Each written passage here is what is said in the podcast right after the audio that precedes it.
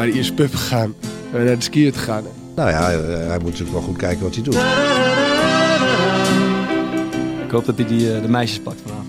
Hij is een vrij driftig mannetje. Nee, zeker. Ja, nee, als ik dit zie, hij is megalomaan. 100%. Ga daar eerst eens maar eens gewoon proberen te voetballen. De enige reden dat ik hier al jaren speel is dat ik doodsbang ben dat ik naar een andere club moet en daar een liedje moet zingen. Dat, dat kan je niet onderuit. Hoe zie je nou of een kip in hypnose is? Je kan niet zomaar zeggen ja of nee.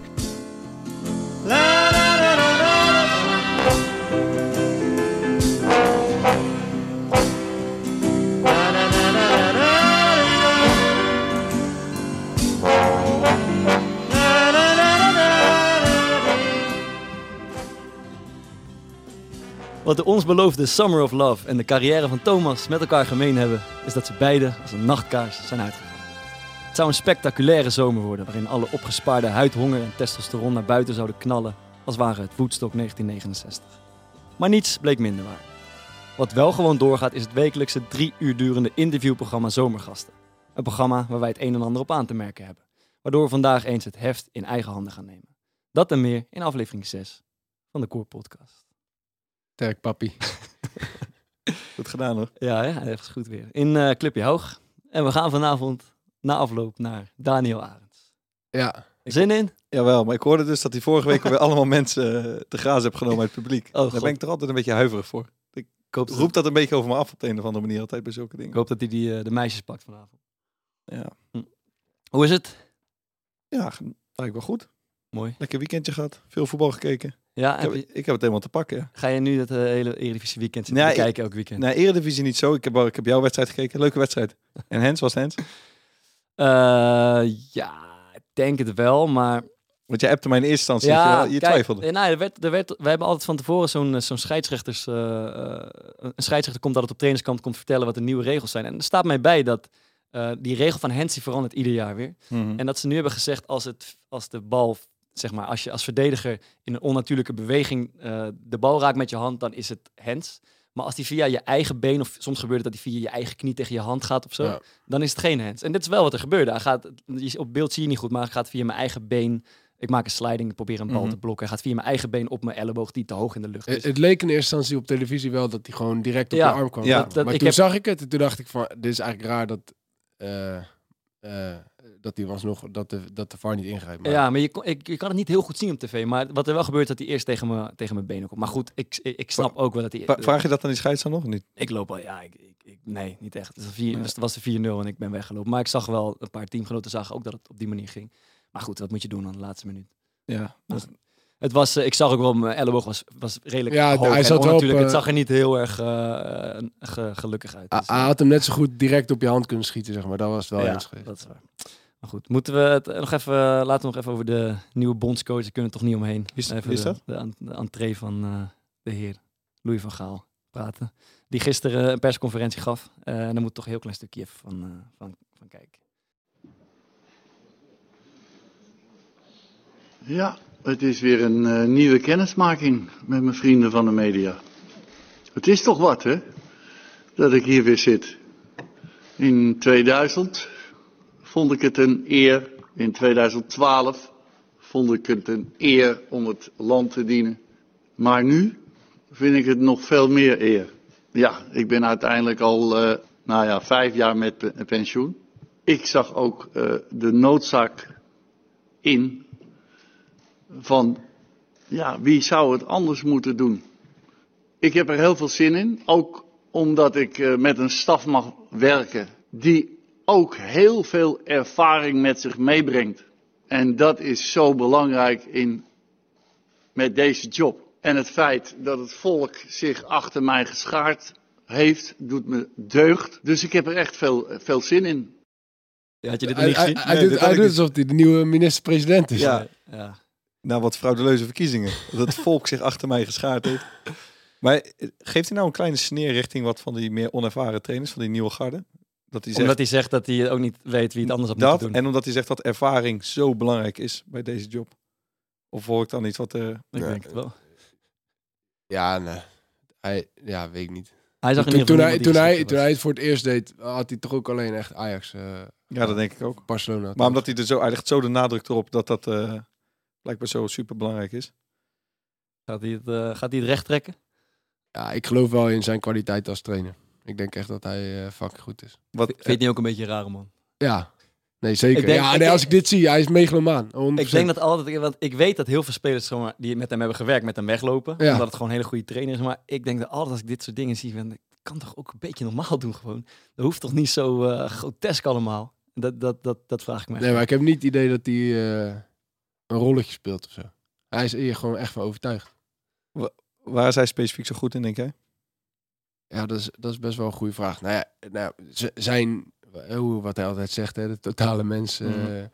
eh, principe. Dat, eh, nou ja, ik denk dat dat wel echt werkt. Maar wat is denk dat, dat- dan? Ik Nee, nee, maar, al- maar, maar, altijd, maar, maar, maar dat je dus als trainer goed bent in het leren kennen van je spelers. En dus ook weet eh, daardoor eh, wat je als trainer daarmee moet doen, zeg maar. Dus, dus dat je niet één keer vraagt van, hey, hoe is het? Hoe is het eh, thuis? hè? Hoe is het met je vriendin? Ja, dat maar dat, dat je dat is wat er bij mij blijft hangen. Dat hij af en toe eens even polst hoe, hoe die speler in zijn vel zit en, en hoe het thuis is. Ja, maar ik, ik Is dat denk, dan ik-? Nee, maar ik denk dat hij daar gewoon wel echt goed in is. Dus dat, dat hij op de perfecte momenten dat weet te gebruiken in zijn voordeel. En, en dat kan ik best wel begrijpen dat je als speler daar heel prettig bij voelt. En dat is een gedeelte, hè. Maar hoe denk ik je dan denk dat, hij, eruit ziet? ik denk dat hij tactisch heel, heel, Ja, eh, ik. heel sterk is. Ik denk dat hij ook super eisend is en super duidelijk. Ja. En ik denk dat hij echt heel weinig ruimte voor miscommunicatie eh, eh, overlaat. Wat, wat denk ik heel belangrijk is als trainer. Gel- Geloven jullie dat verhaal dat hij zijn broek heeft laten zakken in de kleedkamer? Ja. ik ik kan me daar Gijs. gewoon zo weinig bij voorstellen. Ja, Hoe was dat verhaal? Ja, ik weet niet precies wat de, wat de, Ja, wat de bij Bayern München, was toch? bij Bayern München. En dat was in die ploeg met, met uh, Ribéry en Luca Toni en Arjen Robben, denk ik. Ja. Daar zal die Jessa, Jessica er nooit bij zijn met de camera.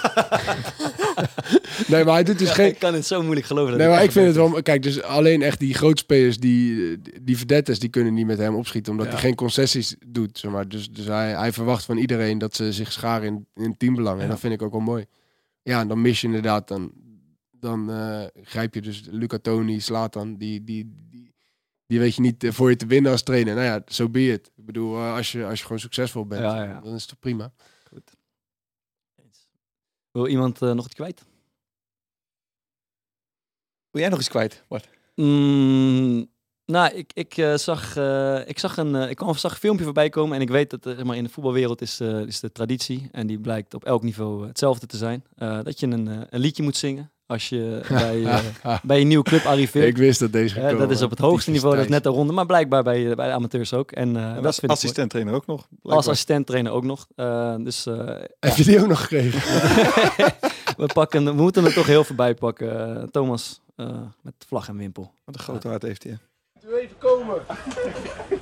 Breng uw beste medicijn. Ik heb er nu al jaren last van. Ook al doet het niet echt pijn. Maar ik hou van alle vrouwen. Alle vrouwen op het bal. En dat is te veel om van te houden. Dokter, het is een spoedgeval. Ik heb een groot hart. Dit hart is zo groot. Het wordt nog mijn dood. Dit hart is zo groot. Ik heb een groot. Niet gek, niet gek, de dijk. Met overtuiging. Ja, Dat is het belangrijkste. Dat is het enige, dat is de enige les. Wat, wat, wat vond je er zelf van? nou, ik vond het niet slecht. Vond je het goed gaan? Ik, ik, ik heb met veel overtuiging gezongen. En eh, ik zal eh, nooit beweren dat ik, eh, dat ik een nachtegaaltje ben. Maar eh, ik, heb, ik heb slechter gezien.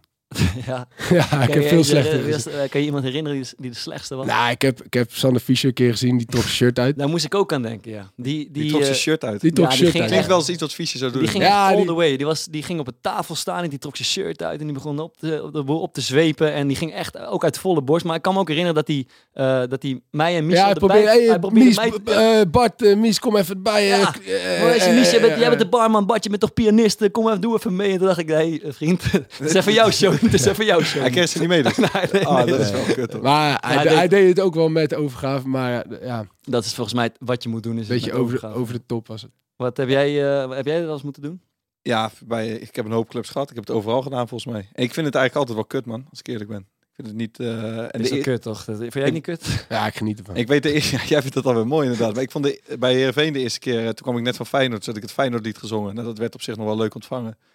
En daarna heb ik ook soort van geleerd dat je, ja, je moet gewoon een soort van overtuigd zijn. Ja. En je kan, ik kan ook niet zingen en ik heb helemaal geen goede stem daarvoor. Maar ja, als je op een gegeven moment een beetje gaat stotteren of je gaat een beetje zo in elkaar kruipen op dat stoeltje, Dan dan, dan, voelen mensen ook er hier is wat te halen. Ja. En dan wordt het echt kut. Wat heb je, wat heb je daarna nog gedaan? Feyenoord lied? Ik heb een keer de Piano Man volgens mij gedaan van Billy Joel. Dat is niet de makkelijkste. Nee.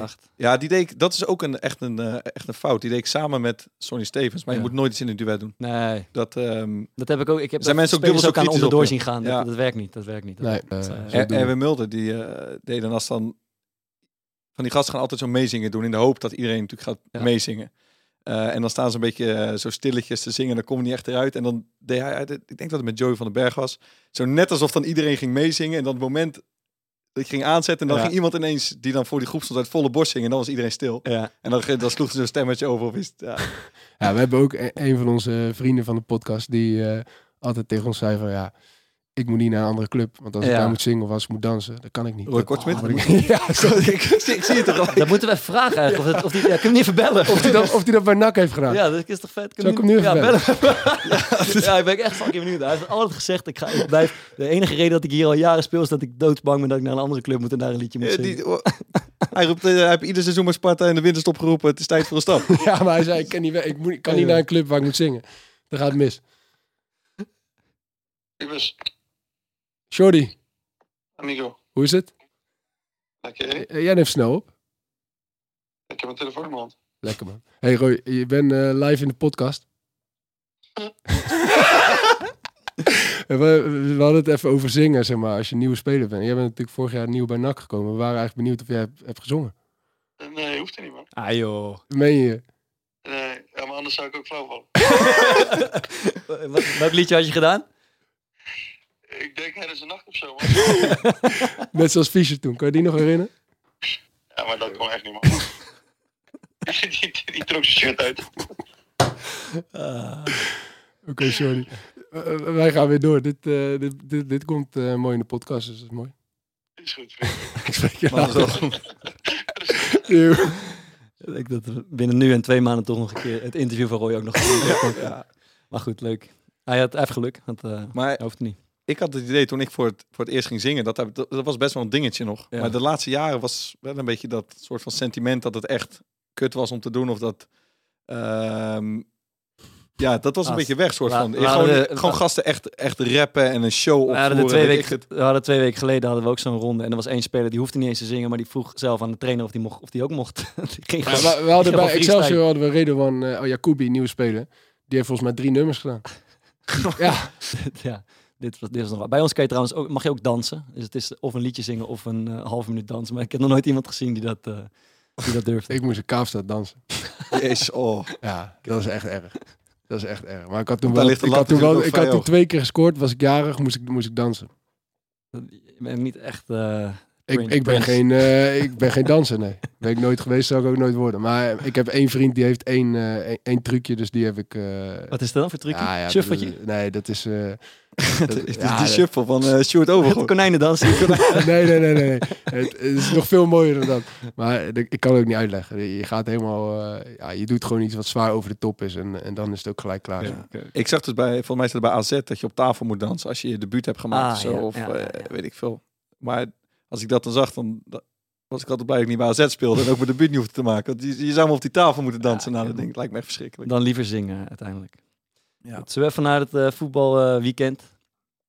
Nou, leuk Toch? Ja, laten we even doen. We hebben dat ik dat ooit nog zou zeggen. bedacht dat we alle drie toch even een momentje uit, eh, uit het weekend eh, uitkiezen. Ehm, Thomas, ja, jij, Ja. jij hebt sowieso gekeken. Ja, ik heb, ik heb hoop gekeken en eh, eh, eh, wat ik het mooiste van, van het weekend vind, is dat ik nu eh, bij uitwedstrijden kan ik gewoon het schakelprogramma weer kijken. Ja. En daar geniet ik zo van. En dan zit ik dat te kijken. En dan schakelen ze op een gegeven moment naar eh, Breda. Daar speelt NAC tegen, tegen Telstar. En dan, dan wordt er vrije trap genomen. En dan zie ik... Normaal herken ik iedereen altijd gelijk. En dan zie ik iemand achter die bal staan. En denk ik, wie is dat nou weer? Met de witte haartjes. En dan zie ik dat Tom Haaien zijn haar geblondeerd Ah, ja, ja, ja, ja, ja. En dat vind ik zo mooi, jongen. ik zou dat zo graag, dat ik zoveel scheid had, dat ik dat, dat ik dat ooit gewoon een keer doe. Dat ik in één keer met witte haren...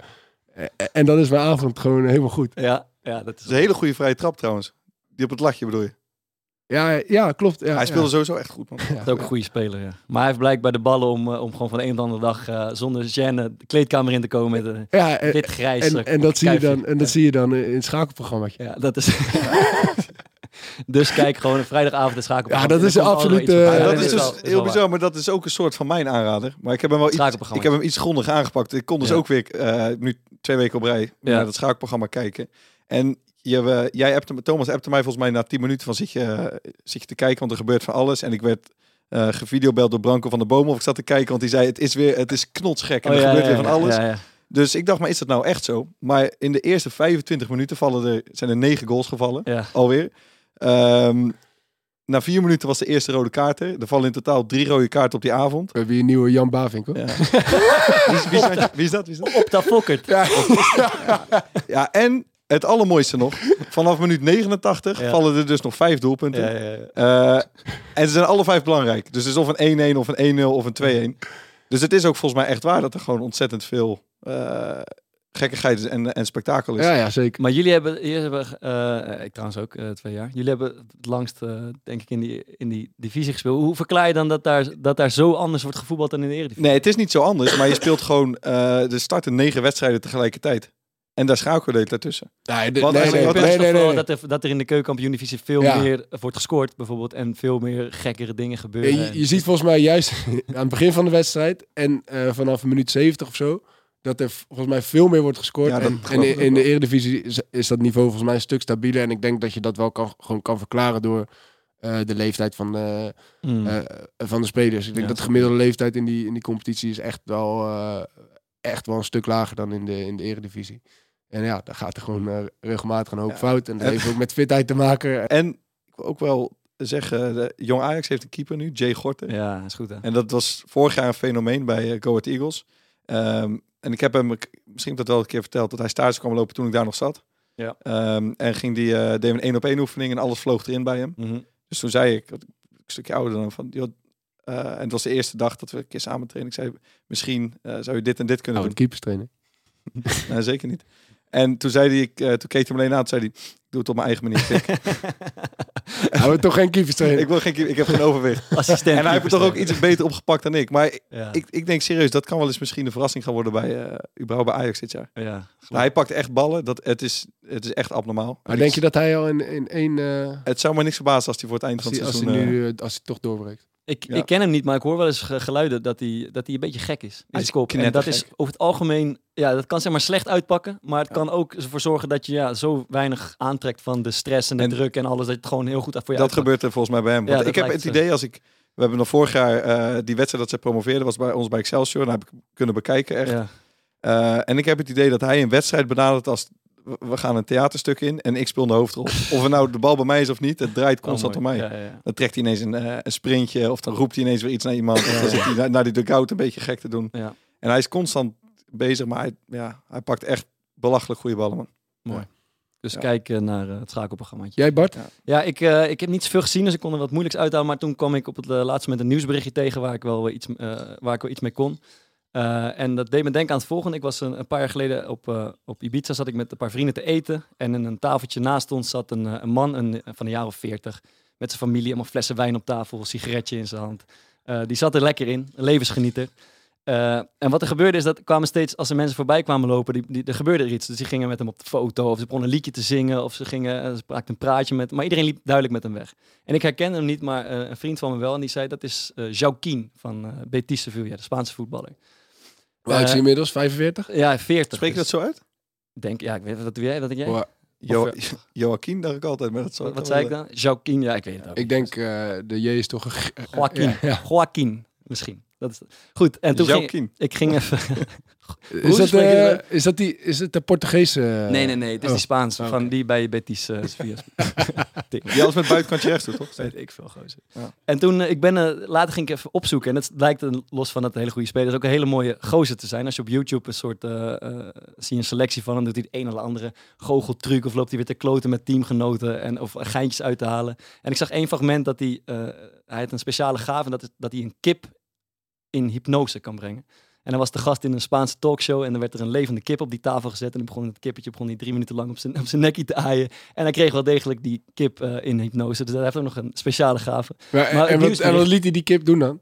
En die li- die lag gewoon daar, zo in totale hypnose, te chillen op die tafel. Dat hij voor elkaar. Hoe zie je nou kip in hypnose? Ja, dat kan, dus eh Joaquin. Maar als, je- Maar- als je maar- maar iets een in kip- hypnose brengt, dan kan je toch ook gewoon zeggen van Ja, eh, je bent een dat eh, vis. En Ja, dan maar denkt hij dat hij vis dat- is. Maar een kip, een kip praat geen menstaal toch? die die bestaat toch niet als je zegt, Je- je, je moet bent een vis, dan weet je toch niet wat hij moet doen? Je moet er ook niet te veel van verwachten. Maar dit vond ik al knap, eh, knap genoeg. Maar Ja, het nieuwsbericht wat ik ja, zag... ik snap het nog steeds niet. Nee. Je moet het even uitleggen. Want, hij was, eh, ik heb, dat is drie Maar hoe, minuten. hoe zie je nou of een kip in hypnose is? Hij was gewoon zo Want- aan het, hij was gewoon aan het soort van omdat aan hij rustig is. Hij was gewoon aan, aan het staren. En Gewoon aan in slaap. Ja, staren. Die- Gewoon, hij was aan het slapen.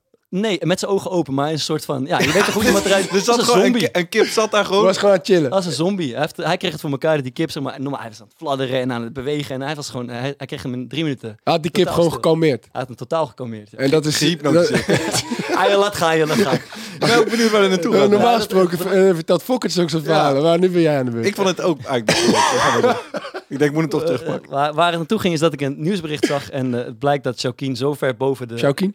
Boven de wet staat in, eh, in Sevilla, want hij is natuurlijk een legende, dat hij afgelopen weekend een wedstrijd heeft laten schieten omdat hij een kater had. En dat vond ik, eh, dat vond ik mooi. Dus hij heeft dus gezegd, de trainer, ik heb uh, zijn 40ste verjaardag gevierd. Ik, ik, ik, heb het, ik heb het even niet. we hebben te diep in het glaasje gekeken gisteren, dus ik sla even een, een weekendje over. En dat, En dat is een competitiewedstrijd. Nee, het was de laatste oefenwedstrijd voor de competitie. Maar ik vond het toch de moeite waard. En het, het zat me... ehm, het leek mij een mooie gelegenheid. Van, we hebben dit ooit een keer besproken.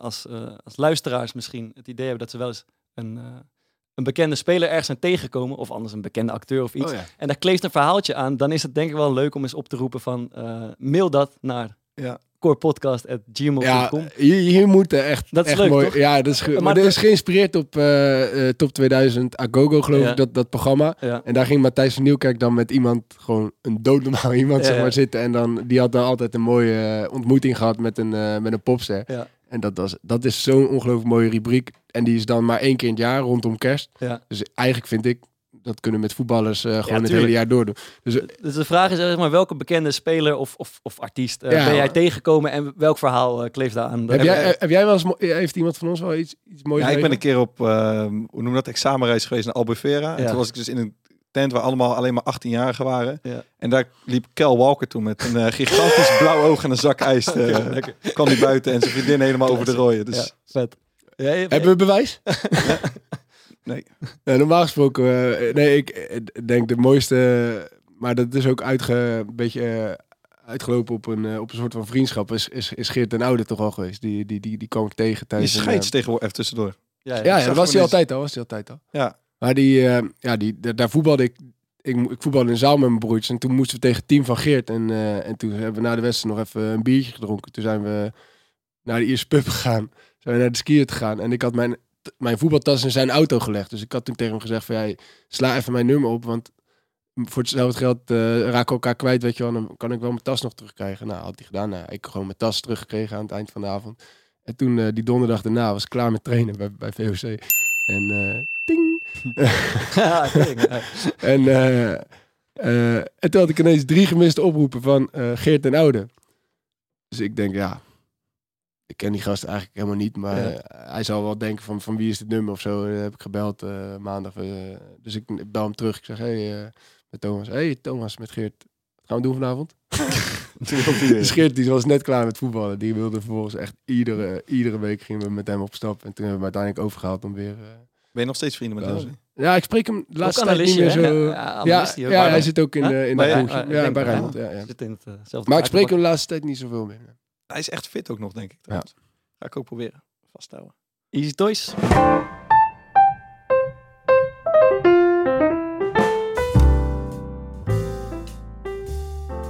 Easy Toys. Kleedkamervibraties.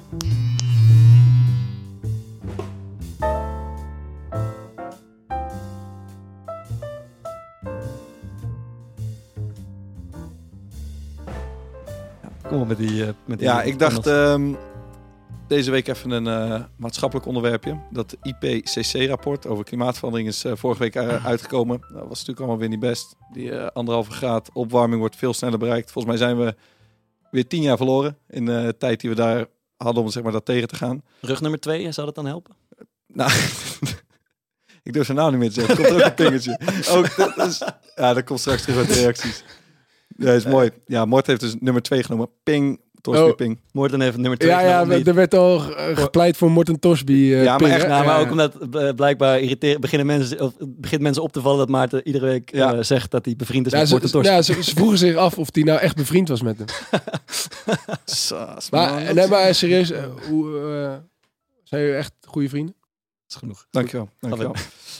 Maar het, eh, dat BBC Sports had dus gepost dat hij nummer 2 had genomen nu. En als je dan die reacties daaronder ziet, alleen maar van die cynische mensen van, Ja. ah, heerlijk, wereld gered. We kunnen weer door. Iedereen, iedereen kan weer rustig ademhalen.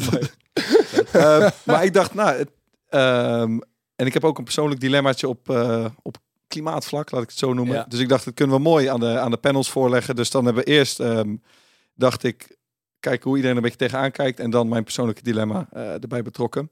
Ehm, en het viel me op een aantal jaar geleden ging het, als het over klimaat ging, heel vaak nog over van, geloof je er nou in? Of is het een hoax? Of noem maar op. Mhm. Ehm, dus eerst heb ik even gecheckt, eh, is dat eigenlijk nog een dingetje? Zijn er heel veel mensen die dat nog steeds niet geloven? Eh, en we hebben deze week het, zowel het woonkamerpanel als de kleedkamerpanel. Eh, heb je daar verwachting over? Eh, ze zullen het inmiddels toch wel geloven. Voetbal is minder dan de, dan de, dan de woonkamers, denk ik. Wat denk jij? Ja, dat denk ik ook. Dat eh, klopt niet. Oh. Kleedkamer 100% gelooft dat het door menselijk toe, eh, toedoen. Kijk eens. Maatverandering. En woonkamerpanel zit er niet ver vanaf 99%. Oké, oké, oké. Dus eh, dat, nou oké, dat, We hebben één eh, luisteraar eh, overgehouden aan onze aflevering met Thierry Baudet. tweede stelling was, ik maak me zorgen om de gevolgen van klimaatverandering. Mhm. Eh, en nou ja, als je die, die eerste stelling hebt gehad waar vrijwel iedereen het erkent, dan zullen mensen zich ook wel zorgen maken. Dus het leek me meer interessant om te bekijken hoeveel mensen maken zich nou helemaal geen zorgen Ja. om. En dat eh, is in de kleedkamer is dat 8%. Dus dat viel me eigenlijk wel mee. Ik had verwacht dat het hoger zou liggen. Ja. Eh, en in de woonkamer is dat maar, eh, maar, maar 4%. Dus iedereen maakt zich zorgen. En wat je alleen ziet is dat voetballers zich niet zo heel veel zorgen maken. Dus bijna iedereen maakt zich heel klein beetje zorgen. en dat was in die, dat woonkamerpanel zat dat wel. Die maakten zich iets extremer zorgen. Er kwam een soort discu- discussie op gang, merk je daar tussen mensen die vinden dat je als consument eh, ja, dat is goeie. wat moet doen. Dus als eh, individu. Of Ja. die vinden van, ja, wij kunnen niks. En Nederland kan als land niks. Grote landen en grote bedrijven moeten wat doen. Eh, en dat is ook een beetje mijn, mijn dilemma. Want ja. ik durf het echt bijna niet te zeggen. Ik voel nu ineens die VOC-ping druk ook heel erg op me. Mhm. Met, eh, als ik zeg dat ik weer naar Italië ga. Ehm, naar Genua, naar Morten Torsby. Mhm. Maar ik wil eigenlijk met de trein gaan, want ik vind dat ik te veel gevlogen heb. Maar de heenreis met de trein duurt 15 uur, vond ik te overzien. Maar de terugreis duurt 30 uur. Ja. Dus dat heb ik gevraagd van, joh, mag ik nou eigenlijk met de trein? Of eh, mag ik met het vliegtuig of moet ik met de trein? Ik, vertro- ik zat, was net in de trainen en ik vertrok uit de kleedkamer en iemand riep me na... Vriend, ik heb Pocket met de trein naar Italië gestuurd. Ja, nou, en ik heb je ook met de trein. ja, dat wist ik gelijk al. Ik dacht, want eerst kwam er maar eentje binnen die eh, met de trein zit. dacht ik, dat moet Bart Vriend zijn. Maar uiteindelijk, ze zijn redelijk mild. Eh, in de kleedka- van de kleedkamer mag, eh vindt 75% dat ik met het vliegtuig mag. En de woonkamer 80%. Maar ik ben er nog niet, ja, Met de zeilboot. dat is een end hoor. Maar ik zit nu te twijfelen, misschien ga ik met de auto terug. Want mijn zus gaat waarschijnlijk ook. En dan ga ik met de trein heen. Dan, want het gaat vooral om die terugreis. Ik vind die 15 uur, dat vind ik oprecht niet zo erg. Een paar reacties meepakken nog. Ja. Ja. Meester Ken, kennen we nog van eh, Ja, ja, Twitter. zeker, die eh, had, een heel had echt een flink betoog. Eh, en die is dus tegen consumentenactivisme, zoals hij dat noemt. Toen zei hij, ik ben bereid mijn leven flink aan te passen, maar degene... eh, nee, sorry, het verkeerde. Hij zegt, huidig activisme is op het individu gericht. Totaal misplaatst. Want een beter milieu begint niet bij jezelf. Een beter milieu begint bij Shell. Ja. Vond ik redelijk. En nog eentje die hem vond ik wel dat hij even Nou, hij, heeft, hij heeft natuurlijk wel gelijk, maar het kan ook, als je de luxe hebt, kan het ook en-en. Ik vind dat het NN is. Ja, maar dat, uiteindelijk, dat geldt natuurlijk niet, iedereen, niet iedereen kan zich dat veroorloven. Nee. Maar als je dat kan, dan, dan kan het natuurlijk. dat is ook, eh, dat, dat is ook mijn standpunt. En eentje, daar ben ik het ook wel heel erg mee eens. Eh, ik ben bereid mijn leven flink aan te passen, maar degene die papieren rietjes heeft verzonnen mag voor mij gestenigd worden. Die zijn wel, die zijn wel vies, ja. Die zijn, dat zijn echt de hele... Je klef in je mond. Ja. Ja. Ja, En zo waren er sowieso wel veel reacties. Dat heel veel mensen zeggen, ja, ik snap het probleem wel, maar ja, ik eet een berg vlees. eh, mijn werk is op drie minuten rijden, ik pak elke dag de auto. Ik ben het probleem en ik moet veranderen, maar ik ga het niet doen. dat was een beetje de... Maar hij is toch, ja, met de NN is gewoon een tegenstelling die er dus niet is. Dus dat, dat, dat jouw eh, individuele gedrag niet leidt tot, eh, tot verandering. Dus dat, Ja, je, dus dat, dat- je altijd maar kan zeggen van ja, zij moeten het doen. Ja, maar andersom het werkt natuurlijk ook als je de hele tijd de nadruk legt op jullie individuen moeten veranderen, dan kan het zeg maar eh, die andere groepen vrijpleiten die een veel grotere rol spelen. Grote bedrijven, overheden, toch? Ja, en jij, probeert, jij wilt andersom zeggen oh, dat als grote bedrijven niks doen, dan eh, pleit dat jou zelf niet vrij. Dat Ja, precies. Ah, ja. Ja, ik, ik vind gewoon dat je als overheid en als bedrijfswereld denk ik gewoon omstandigheden moet creëren. Waardoor je als mens ook als individu denkt, het maakt ook wat uit als ik wat doe. Want alle grote bedrijven doen het ook, dus het wordt niet Ja. zomaar teniet gedaan. Ja. Oké. Dat, ehm, Zijn we er?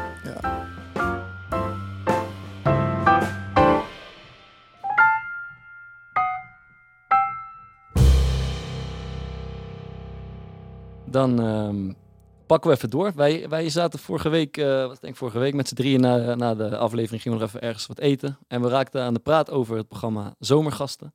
Eh, en eh, Thomas was denk ik gisteren vorige week. Ja, in ieder geval, we hadden Ja. ongeveer hetzelfde bezwaar. Kan jij daar iets over kwijt? Ja, nee, ik, ik, ik, ik, keek vroeger altijd al met mijn met mijn vader regelmatig toen Adriaan van Dis nog de, de presentator was. Ja, in de jaren negentig. Ja, dat is echt lang geleden. Ja. En eh, ik vond het zo'n wonderlijk eh, programma, weet je wel. Gewoon twee mensen die in één studio zitten. Dat programma duurde volgens mij echt drie, vier uur lang. weet je drie uur, ja. Nou, en, maar ja, je ziet wel echt prachtige momenten voorbij komen, fragmenten. En, en daar wordt dan over gesproken, weet je wel. En, en dat vond ik geweldig. En ik vond ook dat de gasten altijd wel interessant waren. En eh, dus altijd als zomergast is, kijk altijd eventjes eh, wie de gasten zijn. Louis van Gaal En, is een eh, keer vorig jaar, ja. twee jaar geleden geweest, denk ik. Ja, dat, Mhm. dat vond ik een hele matige, Dat vond ik ook heel matig. hele matige uitzending. Ja. Ja, ik, vond ik had hetzelfde gevoel als bij Memphis eigenlijk, waar het vorige week hadden. Van, die- er- had veel meer in kunnen zitten, Ja. maar ik zag het er niet in. Ja, dus ze, ik vind, eh, hoe heet ze, Shan, Ja, Shan- Janine eh, vind ik echt een goede, goede interviewer. Alleen zij, zij, zij hebben dus niet, zij kwamen dus niet op hetzelfde level van Gaal en zo. Dus klopt. maar ik zat dus van de week ook te kijken naar die van Sef Dalisa. Ja. En, en ik vond dat zij echt tering mooie eh, fragmenten koos. Echt Mhm. geweldige fragmenten. Alleen Ja. vervolgens ging zeg maar, het interview ging over, eh, eh, over haar en over... ja, zij wilde laten zien hoe zij over de wereld Ja. dacht, zeg maar. Terwijl ik had het idee had van ja, Zomergast is een programma en dat gaat over de ideale eh, tv-avond. En dat zit vol met inspiratie en mooie dingen. En daar ga je dan over vertellen van waarom je dat inspireert, Ja. waarom je dat zo mooi vindt, waarom je dat zo grappig vindt. En dan kom je uiteindelijk ook zeg maar tot de kern van de persoon. Want dat zegt iets over iemand. Maar nu gaat het zeg maar, worden die fragmenten naar mijn op, in mijn optiek altijd gekozen om, eh, om een soort punt te maken. En, en eh, een maatschappelijk punt te maken. En dat, en dat vind ik een beetje misplaatst. En toen koos ze ook nog dat fragment van eh, eh, Willems kantine. Eh, en ja, dat is mijn. toen- ik, toen dat ik dat zeg maar hoorde, ja, gewoon over Jos en Bob de huisbaas. Jos, geef eens antwoord. Ja, ja, ja, ja, ja, wel waar, Jos. Geef eens antwoord. nee, maar en toen, ging, en toen noemden ze dat comedy en, en, en toen dacht ik bij mezelf, ja, maar hoe, hoe kan je nou zo- zo- zo'n mooi fragment kiezen en dan zulke rare dingen daarover zeggen? Want ja, het, het is natuurlijk veel. Het is echt extreem grappig, maar het is geen comedy. Want het is gewoon, het, het, het is gewoon ergens eh, treurig en, en het is rauw, dat maakt het mooi. Maar dat, dat format is dus zeg maar een beetje veranderd. Kijk, het, Maar- het nee, nee, het het- format is precies Ze- hetzelfde. ze alleen, nou, ik weet niet of dat helemaal is. Want ze profileren ze altijd. Het, het, het, het verhaal is eh, de ideale televisieavond van. Ja. En dan gaan ze Mhm. drie uur spreken. Maar het was misschien in mijn herinnering ook vroeger ging het echt over de ideale televisieavond. Dus meenemen met de mooiste fragmenten die je hebt gezien, de vetste docus die je hebt gezien en daar dan over praten. En nu is het een beetje, eh, ik was daar ook mee eens dat je dat zei. Nu is het een beetje, eerst was het, was een soort therapie-sessie soms geworden eh, Ja. van de gast. Die werd een soort helemaal ontleed daar aan tafel. En nu, zeker dit seizoen, gaat het heel erg over een soort maatschappelijk eh, thema. En daaromheen worden al die fragmenten uitgekozen. Ja. En dan wordt er een soort van, eh, ja, neem de kijker mee naar wat van belang is in de maatschappij. Terwijl het doet een beetje afbreuk aan wat het eigenlijk hoort te zijn, namelijk gewoon vette fragmenten die eh, inspireren of zo. Maar, eh, oh ja, is, is, eh, ja, neem jij even de leiding, presentator. ja, ja, dus, dus ja, dit, dit was een hele lange aanloop naar eh, wat wij even hadden bedacht. Want wij dachten voor deze week, eh, we gaan het eens even zelf doen. Eh, we gaan het anders doen. We hebben een fragmentje bedacht. Eh, ondertussen is uh, Fok even een sms'je aan het versturen. Kan Kijk ook maar, al. Eh, we hebben Sorry, een, sorry, sorry. een fragmentje bedacht. Hij is en, eh, manager, tegenwoordig. ja, ja hij, moet, hij moet bij de les blijven. Doe ik op binnenkomen. Eh, en eh, daar, gaan we, daar gaan we naar kijken. En, eh, Ja, tot de vraag was eigenlijk gewoon stel het, het oude soort format, wat jullie zo Ja. mooi vonden. eh, welk fragment zou je zelf Ja. aan willen draaien? En eh, we hebben natuurlijk wel de beperking dat het een podcast is, maar eh, ik denk dat we wel een, een eind komen. Dus eh, Thomas, Mag ik eh take aftrappen? it away. Ik ben heel erg benieuwd, want je loopt al toch sinds je hier binnen bent een of ander fragment heeft af te spelen wat door die microfoon schalt.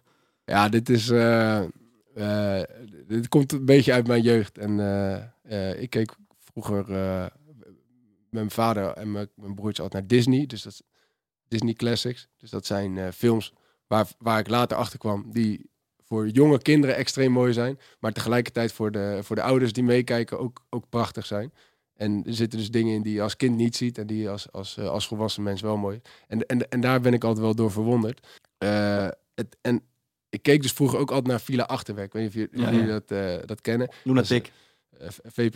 ja, ja, dus, ja, en daar zaten allemaal van die rare programma's die ik als kind niet echt kon plaatsen. Maar die ik dus later weer, weer terug ging kijken.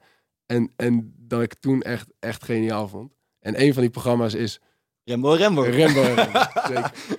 Eh, Oh, ja, Ma- vet. Maxime, Maxime Hartman en, eh, en Theo Wesselo, die, die samen met z'n tweeën, ik denk volledig onder invloed van, van alles en nog wat, Ja. samen een programma maken met allemaal Kindertelevisie, ja. ja, kindertelevisie met allemaal sketches. Ah, maar dat zit, dat, zit, dat zit vol met eh, eh, eh, dubbele verwijzingen. En, Dit zijn van die sketches die van je dan laat zien die eigenlijk te lang duren, maar die hij dan zelf zo mooi vindt dat je dan een weekje daarna zit te kijken. ja, maar ja, het is, ik vind het zo ongelooflijk mooi. En ook zo lekker creatief en los, weet je wel. De- ja, dat je dat dus zeg maar, als, aan kinderen durft te laten zien, terwijl, er, te- terwijl er eigenlijk zoveel dingen in zitten die niet kunnen. Dat, dat vind ik altijd mooi. En als kind heb ik dat dus ook niet gezien. Eh, maar ik heb dus één sketch, eh, dat is een van mijn favorieten. De Timmerman heet die. Ah, En ja, daar- ja, ja. Frans. En daarin, eh ja, dus Maxime Hartman, dat is een, eh, eh, eh, een jonge man die op zoek is naar werk. En die komt bij een iets, iets wat eigenaardige timmerman komt die binnen.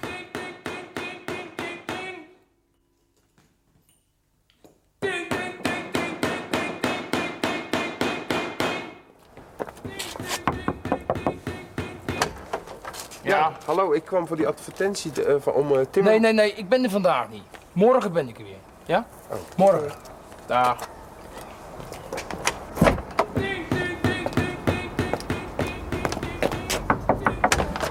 Ja, hallo, ik, ik kwam voor die eh, advertentie. Nee, sorry, eh, ik had me vergist. Ik ben er vandaag ook niet. Morgen ben ik er weer. Echt waar, morgen ben ik er weer. Oké, ja? ja. Dag.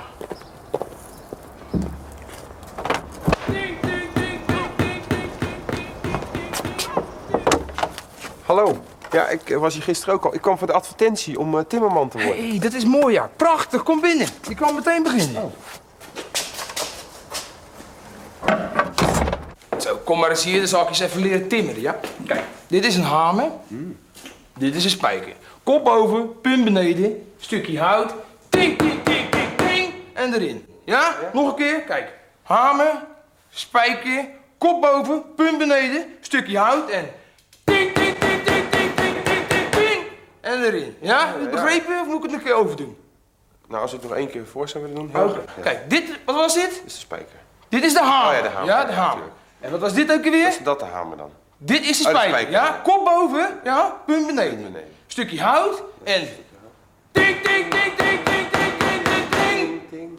Erin. Ja. Probeer het nou zelf, ja? Oké. Dan ga ik nou even weg. Ik kom zo terug. Dan kan je het even proberen. Eh, nou, kop boven, spijker, punt naar beneden, hamer. Ting, ting. Hé, hey, bij deze zit de kop beneden en de punt boven. Ja. Hé, hé, hé, hé. Wat ben je nou allemaal aan het doen, man? Waarom gooi je je spijker weg? ja, die is niet goed. De kop staat beneden en de punt boven. Tja, die zitten er ook tussen. Hé, hey, die zitten er ook tussen. Maar die moet je niet weggooien. Oh nee? Nee, die moet je bewaren voor het plafond. Heb jij, jij bent ben was ge- eh, ook zo'n... eh, die- Ja, ik ben één keer geïnterviewd door, eh, ik door Maxime Hartman, ja. keer. Had- Bij NMS deed hij het een tijdje. Ja. Vond je dat leuk? Eh, Hij was echt jouw held toen, toen de tijd, toch? Door, Ja, dat had ik een keer. Maar die andere, dat is eigenlijk echt mijn grotere held. Dat Hoe is heet hij? Hoe Theo? Theo, Theo Wesselo. Die Ja. heeft ook op een gegeven moment een beentje gema- gehad. eh Housemacher, wereldberoemd in Rotterdam. Ja, die gast, eh, die, die is echt, eh, die is het- echt uniek. Ik vind het zo fucking knap dat je dan zo'n simpele sketch maakt. En ik vind eigenlijk die, allebei die grappen op het eind dan heel leuk. Terwijl er zit ze een aanloop aan en denk je van, er Het moet nou eens leus komen. Helemaal nergens. Of, eh, ting, ting, ting, ting, ting. Maar dat is gewoon... Maar eh, jij, jij zei, eh, dat is zeg, zeg, zeg maar kinderprogramma's waar ook een soort van ja, dat een zit, boodschap dat, in dat, zit. Maar welke boodschap heb dat, je? dat zit in deze zin, is, is, is, is het niet. Maar dit vind ik gewoon... eh, Ik probeer er, ik probeer er een te vinden. Nee, maar ik kan me dus al- als kind voorstellen dat je eh, eh, die grap met die hamer en die, eh, die spijker, met, Ja. eh, die moet je bewaren voor het plafond. Ja. ja, ik denk dat er een hoop kinderen zijn die, die echt niet doorhebben dat dat een grap is. Zeg maar. Ja, ja, ja. Dus dat, eh, Ah, ik vind hem wel leuk. ja. Vriendje.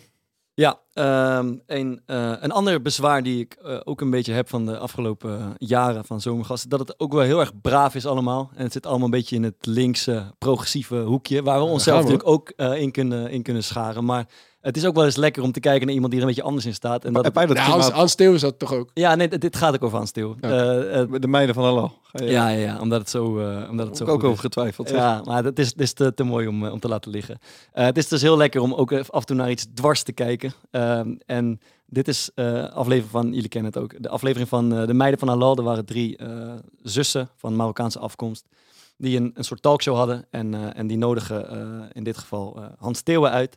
Want ze zijn beledigd door hem, omdat hij een, een liedje heeft gezongen. eh, over, eh, die ging over de meiden van Halal. Een beetje seksueel getint en daar, daar konden ze niet goed tegen. En de, het, format is televisiestudio en er ligt een soort pijnbank met een soort nou ja, rubberen spijkers. En Hans Steeuw wordt op de pijnbank gelegd en eh, gaat er eens flink van langs krijgen door de meiden van Halal. Maar goed, die hadden nog niet helemaal in de gaten, geloof ik, wie ze in huis hebben gehaald. Dus dit is, dit is het fragment. Christen, honden, geiten, eukers, iedereen doet mee. Jezus en Mohammed op een openbare play. Nee, ik mag niet kwetsen, mijn excuses uit ik zal. Voor straf me laten pijpen door de meiden van halal en U moet ook op de pijnbank plaatsnemen. Gaat u maar liggen op de pijnbank, meneer Theo? Nee, op rug. Iets eigenwijs, hè? U wordt niet gemasseerd. eh.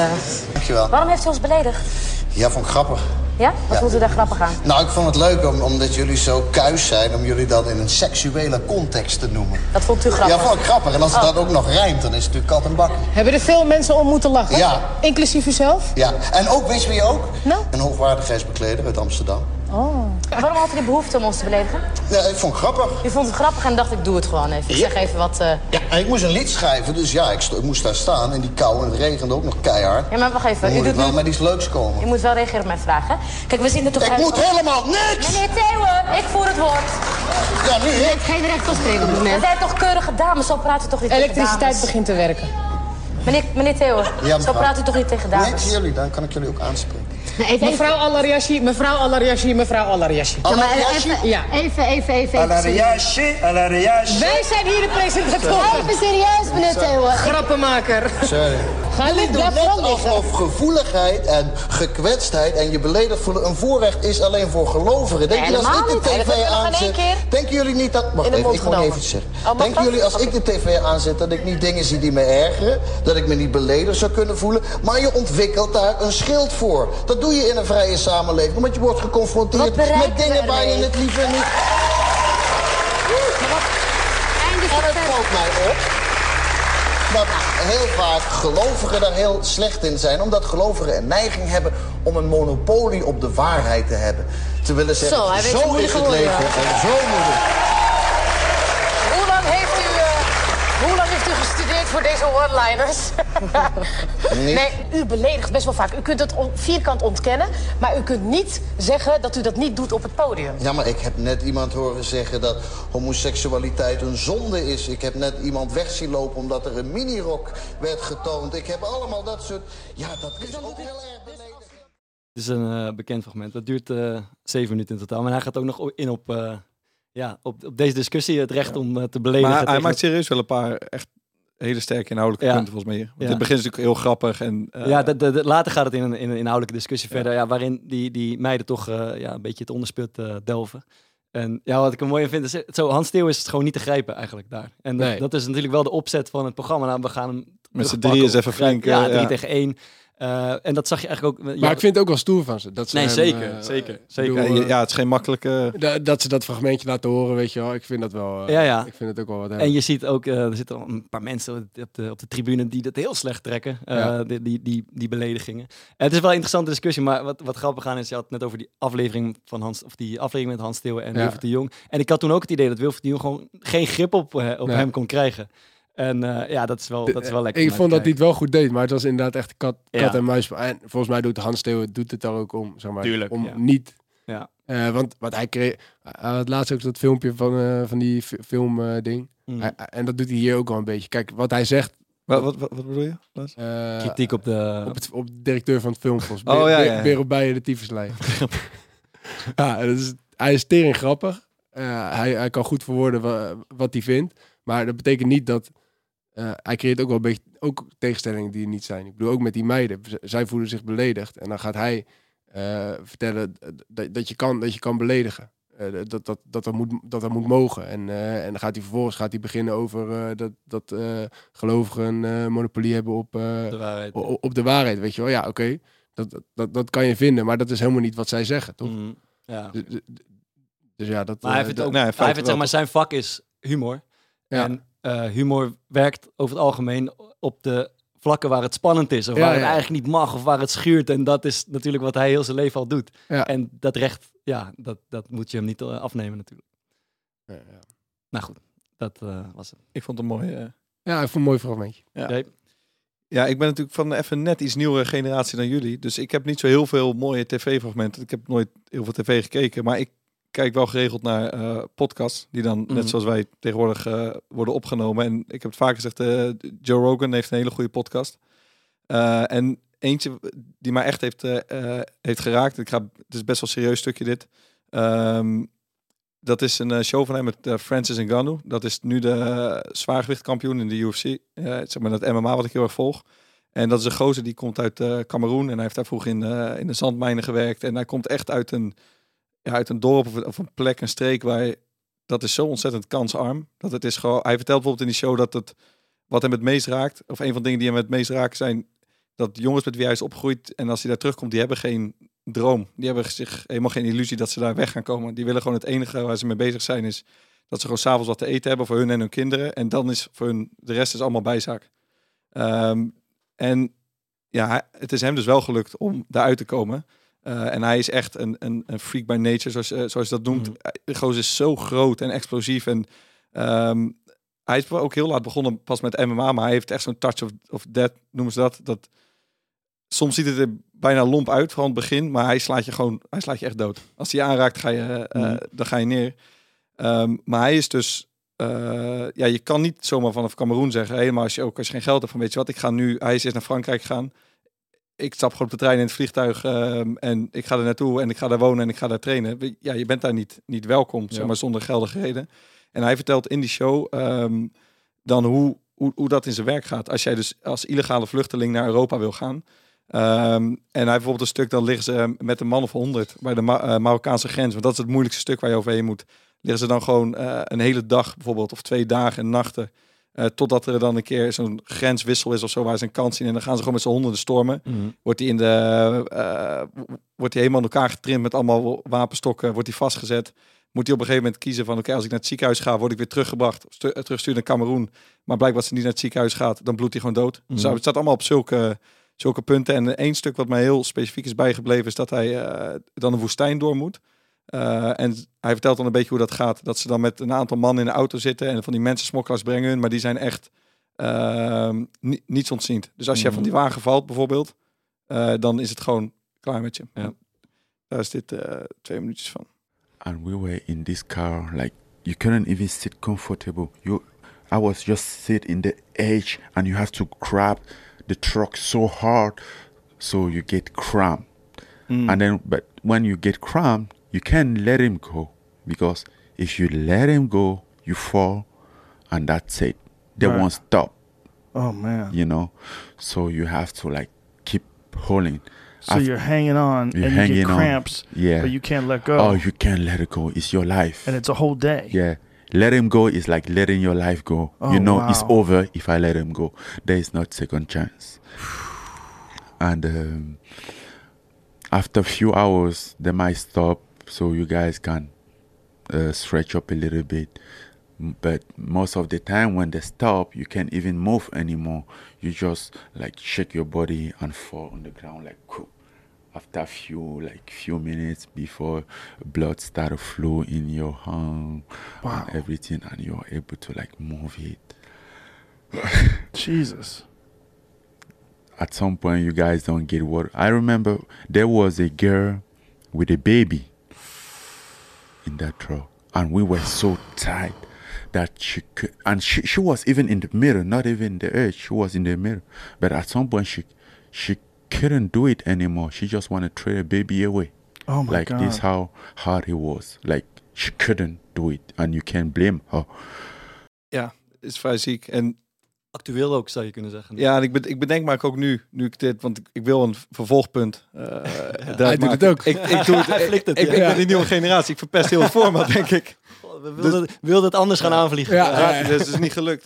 Maar wat, wat ik dan heel erg... Kijk, tuurlijk, het, het, het relativeert je eigen problemen en dingen waar, waar je zelf soms doorheen gaat. Maar ik heb dan vooral... Dan ben ik me ineens, als ik dit al heel bewust van hoe ontzettend eh, veel geluk je hebt als je in Nederland wordt geboren. Mm. En, eh, en iets anders, eh, wat, wat ik een soort van uit meeneem is... eh, ik heb, toen ik op dat punt zat om te stoppen, of toen ik ging stoppen, heb ik best wel vaak mezelf afgevraagd van hoe kan het nou dat andere jongens die misschien minder talent hebben dan ik, of een beetje op hetzelfde zitten, waarom hebben zij nog wel die absolute drang om, Ja. om door te gaan? En om gewoon dat plan A waar ze voor zijn gaan, wat voor mij in eerste instantie ook voetbal was, waarom kunnen zij dat nog wel opbrengen en waarom kan ik dit niet? Ehm, en toen bedacht ik me ook weer, ik, ik kom uit een situatie waar je, ik, ik, kon, ik eh, kan be- best goed leren en ik heb altijd andere keuzes gehad. Maar er zijn natuurlijk gewoon altijd mensen die, die hebben niks te kiezen. En die, die zijn niet allemaal zo extreem eh, als, als dit geval wat die Ngannou vertelt.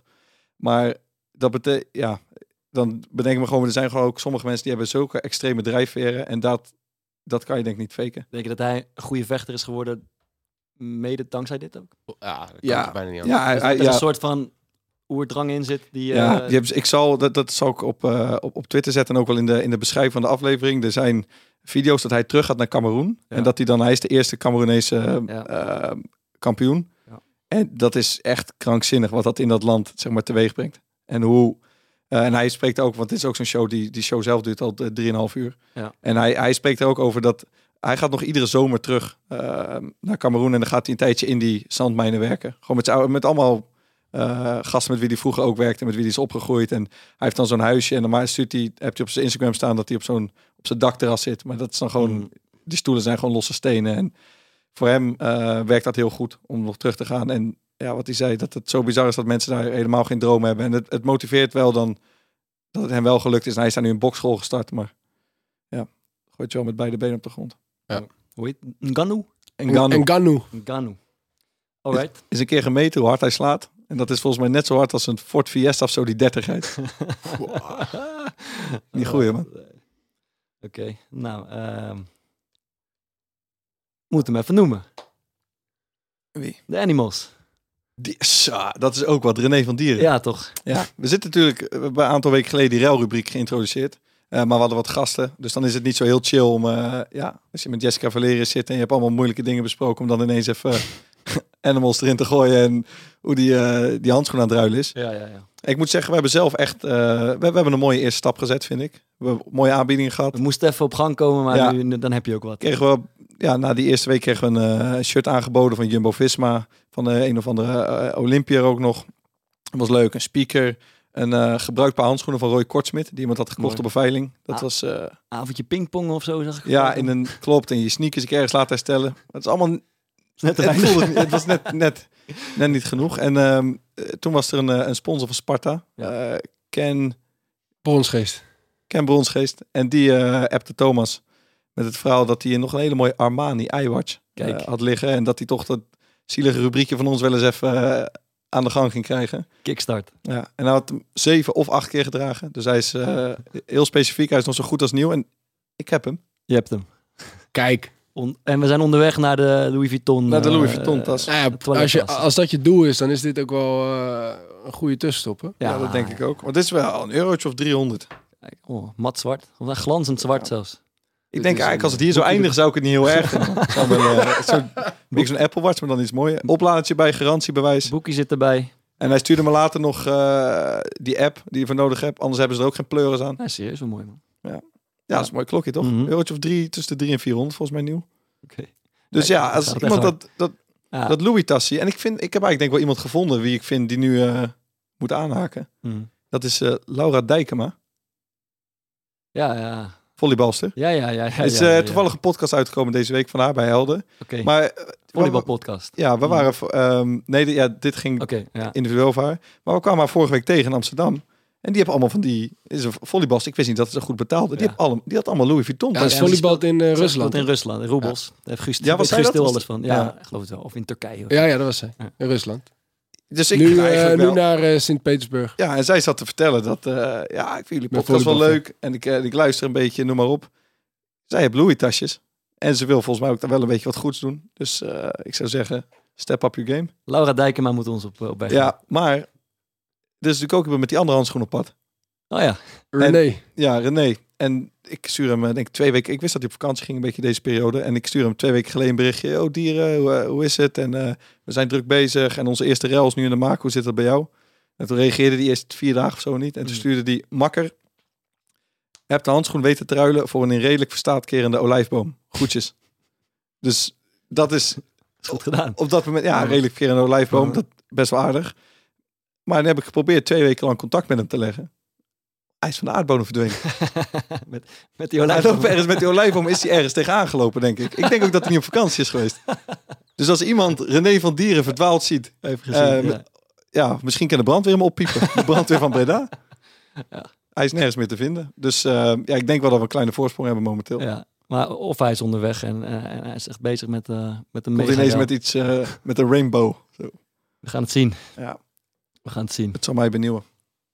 Dan eh, nog een soortje aanraden om af te sluiten. Ja, laat maar doen hè. Ja, laat, laat maar doen. Ik, eh, ik doe even een eh, Bart vriendje, want... eh, Je doet er twee. eh, nou ja, ik doe dus eentje die nog niet echt... Oké, die nog gaat eh, komen. die nog gaat komen. Eh, op, op het moment dat deze podcast uitkomt, is een nieuw album van eh, Angus en Julia Stone eh, Ah.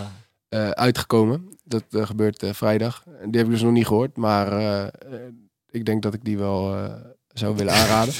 Die ga je waarschijnlijk wel goed vinden. Ja, ja, ja, ja. Lekker kritisch ook jij, top man. Nee, dat, eh, ik heb veel vertrouwen in ze. Maar ik heb nog een, ik kreeg van de week kreeg ik een. eh, ik, ik ben geen podcastluisteraar. Nou, nu rijd ik regelmatig naar Amsterdam, dus heb ik wat tijd over. Toen heb ik die, eh, die tip van Bart geluisterd eh, over eh Ridwan Taghi. Ja, dat is een mooie cocaïnekoorts, een mooie podcast. Taghi. Maar ik kreeg dus ook van eh, eh, iemand anders een, eh, een aanrader. En dat eh, is een podcast, Amerikaanse podcast, die heet S-Town, staat voor Shit Town. Eh, en dat gaat over een eh, journalist van de New York Times, geloof ik. Die eh, een mailtje krijgt van een of andere dude uit Alabama. Echt in het zuiden van, van de Verenigde Staten. Hè, waar- al die rednecks wonen. En die, en die vertelt dat er een of andere onopgeloste moord is. Waar iedereen in dat ta- stadje weet dat het is gebeurd. Maar dat er nooit iets mee is gedaan. Dus die, reporter die ga- gaat, daar, gaat, gaat dat onderzoeken. En die wordt vrij snel, vrij gemakkelijk opgelost. Maar wat er vervolgens gebeurt eh, in die podcast is dat je in een bizarre eh, rollercoaster komt van, eh, van verschillende dingen. Van verbazing naar verbazing ga je. Dus dat is een ongelooflijk mooi aanrader. gaat over een man die, die daar woont in dat, in dat stadje en die best wel progressief is. En over klimaatverandering en over fossiele brandstoffen. En die is daar natuurlijk de enige in, in Alabama. Dus dit is echt ongelooflijk aanraden. S-Town. Alright. Ehm, ik, eh, ik wil eh, La Vita e Bella aanraden. Eh, ik, heb, ik heb veel filmklassiekers een beetje gemist in mijn leven. Daar ben ik door de jaren heen gaan ophalen. Ik heb eh, vorige week deze film gezien. En het is een van de mooiste films die ik, die ik in mijn leven heb gezien, moet ik zeggen. Waar Dat heb je hem gezien? Gewoon thuis. Op Pathé thuis. Kan je hem gewoon kopen of huren. Ik gaat- heb, ik heb hem op DVD voor je. Mag ook. Sterk. Het gaat over een. eh, het, is- Vertel. het speelt in Italië. Het gaat over een, eh, een man. De regisseur eh, Roberto Benigni is ook de hoofdrolspeler. Eh, een klein Italiaans. Ja, Benigni, moeilijke naam. Benigni. Benigni. Ehm, eh, een Italiaans, klein Italiaans mannetje van Joodse komaf. eh die in de eerste drie kwartier van de film allerlei. Het is een soort rare eh, romantische comedy eigenlijk de eerste drie kwartier. Dan denk je, dus ik naar, naar te kijken. Hij had allerlei rare frats uit om in het gevlei te komen bij een vrouw op wie die valt. Die gaat trouwen met iemand anders. Eh beetje apartige film, eh rare eh, speelse sketches en dingetjes. En dan komt de twist eigenlijk halverwege, want die, dat hele gezin vertrekt per transport op de trein naar Auschwitz. En daar, daar komt de film echt op gang, want hij neemt zijn kleine zoontje mee, een mannetje van een jaar of vijf. En ja, die ellende in Auschwitz is niet te beschrijven. En de manier waarop zij ermee omgaan, of waarop hij ermee omgaat, is dat hij er een spel van maakt voor zijn kindje van vijf. Eh, en hij spiegelt hem gewoon voor dat als je, als je je koest houdt, dan krijg je 20 punten. En als, je, eh, als het je lukt om één sneetje brood per dag te eten, krijg je 40 punten. En uiteindelijk is het doel 1000 punten halen, want dan verdien je een tank. Een, Ja. een, een, een tank uit het leger. En dat is eigenlijk, en je ziet daar doorheen die bittere ellende van Auschwitz, echt niet te geloven. Maar hoe hij ja, zijn hoofd boven water houdt, is door dat, dat, die, dat, dat soms een beetje gespeelde optimisme. En doordat hij er een spel van maakt om, om zijn kind eigenlijk ja, in leven te houden en hem eh ja, Auschwitz te laten overleven. En eh, of dat lukt, dat eh, laat ik even in het midden. Maar waanzinnig mooi film. Is, is dat gebeurd op een waar gebeurd verhaal? Gebaseerd? Ehm, op een waar gebeurd verhaal? Dat dat denk ik eigenlijk, weet ik eigenlijk niet. Weet ik eigenlijk niet. Ik, ik, ik heb vorige week dat boek van Ik, Primo ik, Levi. ik dacht, ik dacht van wel, maar ik weet Het niet zou zeker. Kunnen, het zou kunnen. En als je echt, als je nog meer wil zien, dan moet je ook de Oscar speech van deze Benigni op YouTube kijken. Dat duurt drie minuten. Dat is echt waanzinnig ook. Maar goed. Volgens mij is het de favoriete film van, eh, van mijn moeder ook. Ja, dus ik moet hem is- echt gaan Ah, kijken. zo'n mooi film. Ja. Heb je het droog gehouden? Ja, dat wel. Ja? Ik kreeg al echt een groot brok in mijn keel bij deze film. En bij welk eh, moment specifiek? Bij die... eh, dat, dat zoontje verstoppertje speelt, zeg maar, op het laatste moment. helemaal op het in zo'n brievenbusachtig ding ja, en dat hij en dat hij dan nog... eh, nee, nee, op zich eh, is het niet echt spoiler. Dat hij dan nog een geintje uithaalt, dat vind ik zo Ja, dat is, het, is- ja, het is echt eh, heartbreaking, kunnen we zeggen. Bokkert. Ja, ik heb een heel dun boek hier deze week. Eh, de Genocidefax van eh Roxane van Ypres. Die van jou ligt op mij in de kast, Bart. Trouwens, die zie je nooit weer terug. Prima. Maar het is een, eh, een eh, essay van haar voor de Boekenweek. En dat gaat over... ehm, ja, het is heel mooi. Het gaat over de oorlog in eh, Rwanda tussen de Hutus en de Tutsis. En het is het verhaal van een VN-gezant. Het heeft best wel wat overeenkomsten met dat Srebrenica, waar we het tijdje terug over gehad hebben. En zij legt dan uit hoe moeilijk het is voor hem. Hij heeft op een gegeven moment door dat er een genocide gaat plaatsvinden. En hij probeert aan de bel te trekken. En dan zijn er mensen die het niet willen zien. Of, het is gewoon ja, hoe moeilijk het voor hem is. Om, want hij kan dat niet voorkomen. En hij wil dat wel, maar dat lukt hem dus niet. En hoe die, dat draagt hij dan de rest van zijn leven ook met zich mee. En het gaat ook gewoon eh, een stukje in op dat conflict. Dus dat is een. eh, ja, je bent er echt oprecht in een middagje doorheen. In een paar uurtjes. Dus dat is heel heftig. En ook kleine spoiler dan. Ik denk dat het leuk is om te lezen voor de aflevering van volgende week. Wat we gaan doen. Nice, cliffhanger. Cliffhangertje. Oké, ehm, dan eh, gaan we eruit met een liedje. En eh als het lijstje wordt, is weer geüpdate. Ja. Ehm, dus, eh, Mag- alle ik een een liedje doen? Ja, dat is goed, jongen. Alle drie een elftal, eh, alle drie eh, elf liedjes. Ik zat dus, eh. Core podcast, elftal van de maand. op Elf van de maand, Mm. mooi. Nou, ik zat dus eh tijdens terug in de auto en eh, ik drukte gewoon een willekeurige afspeellijst aan op, eh, op Spotify. Of niet willekeurig, maar ik vind eh, country muziek eh, af en toe best wel leuk. Mhm. Dus ik druk dat aan en er komt een nummer voorbij. Ik denk, zo, dit is goed. En ik had die naam, Dieter van Wessen, heette die gozer, of Dieter van Westen.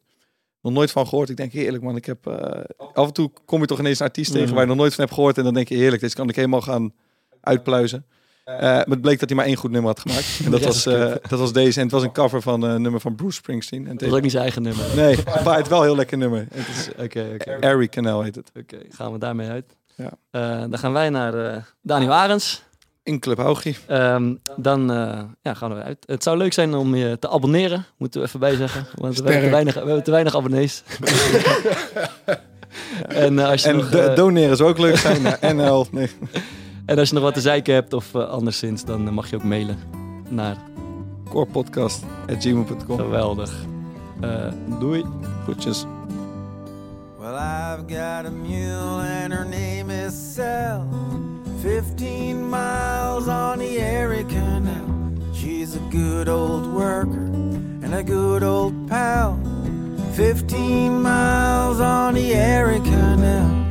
We hold some barges in our day, filled with lumber, coal, and hay. We know every inch of the way from Albany to Buffalo.